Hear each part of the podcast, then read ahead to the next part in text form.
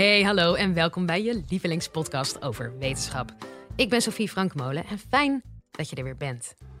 Een interview is volgens onderzoeksjournalist Margot Smit van Rijksuniversiteit Groningen net een Zwitsers zakmes. En dat gereedschap moet je als journalist perfect kunnen toepassen. Soms een beetje zagen, soms een beetje veilen. Maar volgens Smit is ook een andere vaardigheid belangrijk.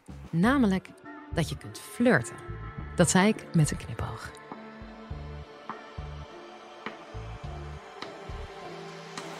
Live vanuit Club Air is dit de Universiteit van Nederland. Ja, waarom zou een journalist moeten kunnen flirten? Het is een uitspraak van een van mijn collega's uit Groningen en ik leen hem hier graag, want uh, ik ben het er zeer mee eens. Ik kwam een boekje tegen in de voorbereiding op dit uh, uh, college en ik ga u daar een heel klein stukje uit voorlezen. En een boekje klinkt altijd zo vreselijk. Het is een boek. Het is geschreven door Bart Brouwers jarenlang werkzaam bij de Telegraaf. Maar hij schreef In Between Jobs het boek Na de Deadline.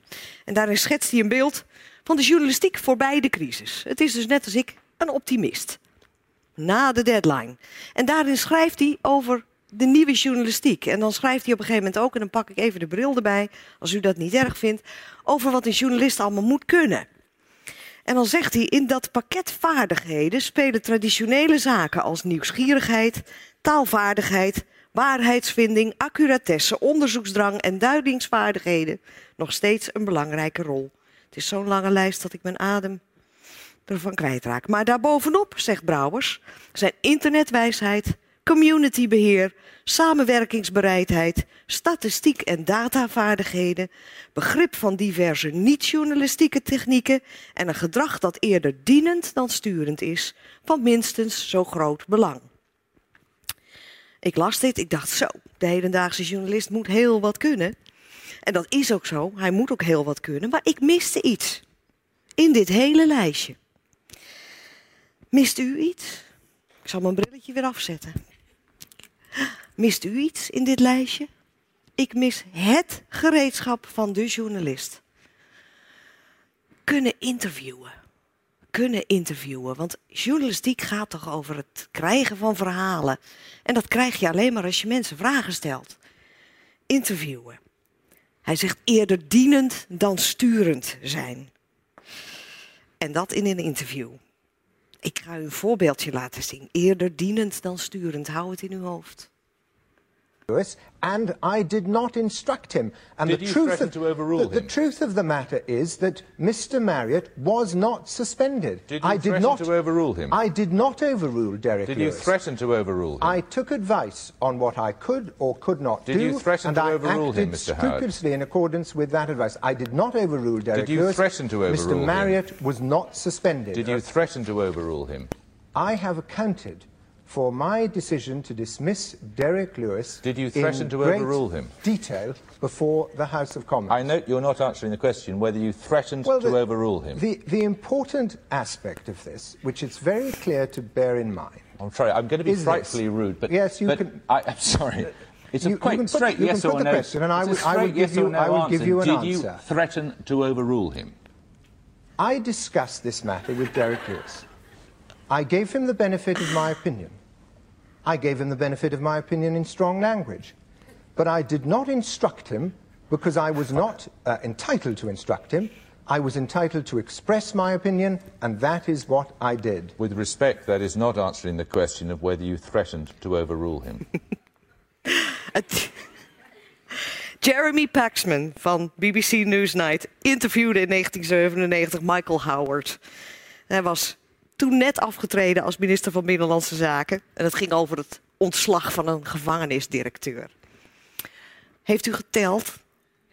Op internet kunt u het terugvinden. Het is geloof ik veertien keer dezelfde vraag. Vond u het effectief? Bent u iets wijzer? Nee, zegt hij, iemand hier. Wie vond het inf- informatief? Toch wel, ja. Ik denk dat meneer Paxman er ook met gemengde gevoelens op terugkijkt. Hoor. Er komt nog een heel stuk interview hierachter en het komt niet meer goed tussen die twee. Dat is in elk geval wel helder. Dus, interviewen.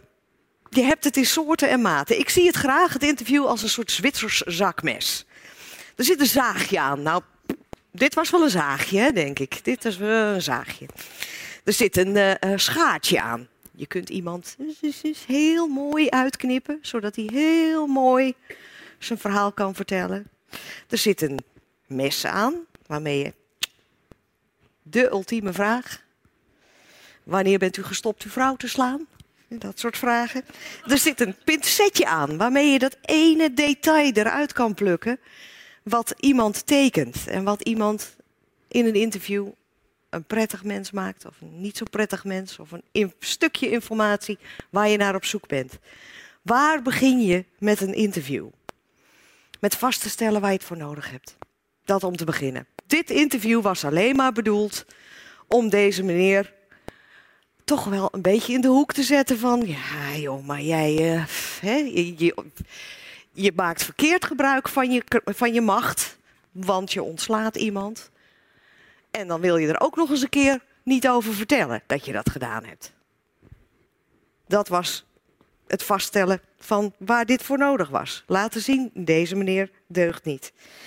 Maar je kunt een interview ook doen omdat je alleen maar informatie wilt. Je kunt een interview doen omdat je wilt confronteren. En je kunt een interview doen omdat je wil laten zien wat iemand te vertellen heeft. Dus je begint met vast te stellen waar het voor nodig is. En dan ga je op iemand af. En dan ga je kijken of je diegene zover kan krijgen dat hij met je wil praten. En daar komt dan dat flirten. Want u kunt zeggen flirten, ja dag. Journalistiek en flirten. Nou, ik ken een hoop collega's die het heel goed kunnen hoor. Die heel goed kunnen flirten. Maar ga er met mij van uit, want daar is onderzoek naar gedaan, dat in het leven 80% van wat wij doen in het verkeer tussen mensen draait om de gunfactor. Je gunt iemand iets. En als jij informatie van iemand wil hebben, dan moet hij jou die informatie gunnen. Anders gaat hij jou helemaal niets vertellen. Je moet vertrouwen kweken bij mensen. En dat is lastig, want je hebt doorgaans te maken met mensen die je niet kent.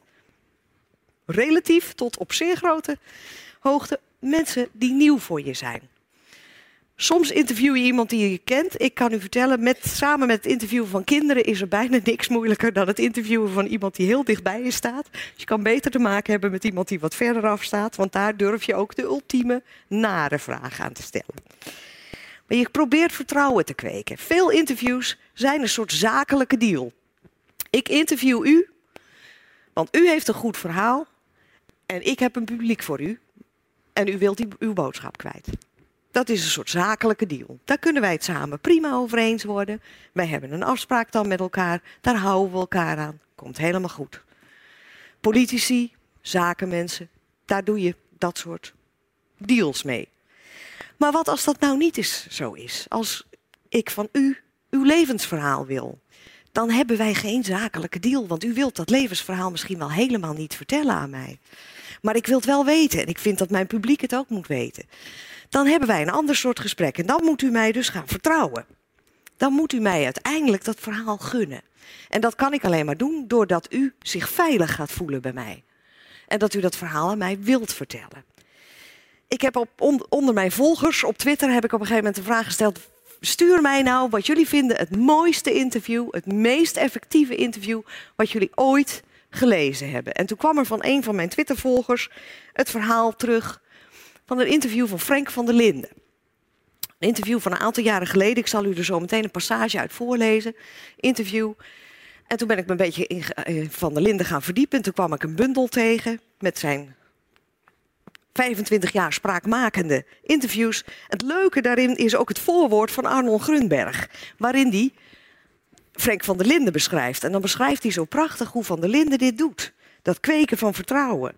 En dan zegt hij, voor Frank is zijn schoonheid een middel, een wapen om de cliënt in een gemoedstoestand te brengen waarin hij bereid is om Frank te vertrouwen. Aan het zogenaamde leeglopen gaat vertrouwen vooraf. Eerst vertrouwt men, dan loopt men leeg. Eerst wordt er gekeken, er wordt gepraat. Wat Frank eigenlijk op dat moment, het moment dat er alleen nog wordt gekeken, tegen de cliënt zegt, is mijn schoonheid is van u. Kijken is langzaam in bezit nemen. Naar mij kijken is in mij vertrouwen. Daar is dat flirten. Vertrouw mij, kijk naar mij, ik heb het goed met u voor. Dat is die gunfactor. En dat geldt bij al die interviews waarbij het niet gaat om een zakelijke deal. Frank interviewde de moeder van een van de jongens die in de bende van Venlo zat. Dat was een uh, groep jongens in uh, de omgeving Noord-Limburg, die in de jaren uh, 90 um, 250 misdrijven uiteindelijk pleegden.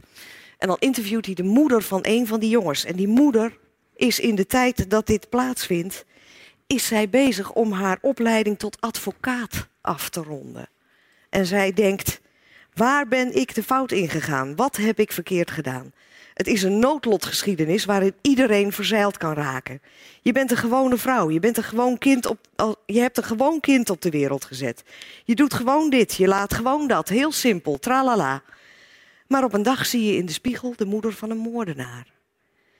Zelfs in een nachtmerrie had je niet kunnen bedenken dat hij nog eens bij Ferdi E., de moordenaar van Gerrit-Jan Heijn, in de Scheveningse B-vleugel zou belanden. Je kijkt jezelf aan en je vraagt: wat heb ik mezelf in godsnaam te verwijten? Als je als interviewer dit kunt, dan heb je dat Zwitserse zakmes wel onder de knie.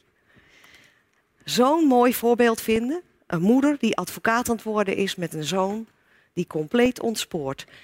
Die vrouw heeft geen enkel belang erbij om jou dat verhaal te vertellen en toch doet ze het. Omdat ze jou vertrouwt. Vertrouwen als journalist, het is zo belangrijk. Het is zo belangrijk. En als je dan iemand zover hebt dat hij gaat meewerken, dan zijn er een paar gouden regels. Ik zal u er één geven die vooral van de andere kant, namelijk vanuit de voorlichting, altijd wordt voorgelegd aan mensen die geïnterviewd worden. De vragen die je het beste kan stellen aan mensen, is dan vervolgens de strategie. Dat zijn van de vijf W's en de H's, de H, waar wij als journalisten mee leren werken. Wie, wat, waar, waarom, wanneer en hoe, zijn de waarom en de hoe-vraag het belangrijkste. De rest kan je checken. Waarom en hoe leveren antwoorden op waar je meer aan hebt, waar je op verder kunt, waar je op kunt researchen als onderzoeksjournalist. Waarom is iets gegaan? Hoe is iets gegaan? En dan heeft iedere interviewer een ultieme vraag die hij altijd stelt, omdat hij hem veel informatie geeft. Ik vroeg het van de week aan iemand in mijn omgeving die veel geïnterviewd heeft. Wat was jouw ultieme vraag als je een goed interview had? Hij zei, ik vroeg dan altijd, wat zou u nu anders doen? Als interviewer moet je dus vriendelijk zijn. Je moet kunnen flirten, maar je moet ook vasthoudend zijn en niet met één antwoord genoegen nemen. Dat is lastig zat. Je moet af en toe een ratje zijn en dan toch ook nog weer niet dat aardige en dat flirten vergeten. En ook niet dat iemand je niet meer vertrouwt. Maar je moet af en toe een ratje kunnen zijn. En toch nog die ene vraag erin stoppen die je zo graag wilt stellen en waar je eigenlijk voor gekomen bent. En dan is er een ultiem wapen.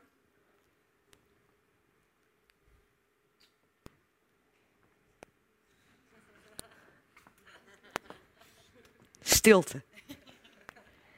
Er is onderzoek naar gedaan. Vier seconden. En dan gaan mensen zich onhandig voelen. Als iemand vier seconden zijn mond houdt, gaan mensen die stilte invullen. Ik voelde het bij u al een beetje. Dan wordt het ongemakkelijk. Vier seconden. Het is niks en toch is het alles. Wees niet bang voor de stilte. Want mensen gaan praten. Ze willen dat liever niet. Ze vinden dat vervelend. Maar het grootste vermogen van de goede interviewer zit hem in het kunnen luisteren. Luisteren naar wat degene waarmee hij praat, wat hij tegen hem terugzegt. Het klinkt zo simpel en toch is het moeilijk. Interviewen, het Zwitserse zakmes goed bedienen is het moeilijkste wat er is. Je hoorde Margot Smit. Oh jongens, wat een fijne aflevering was dat. Ik hoop dat je er net zo van hebt genoten als ik.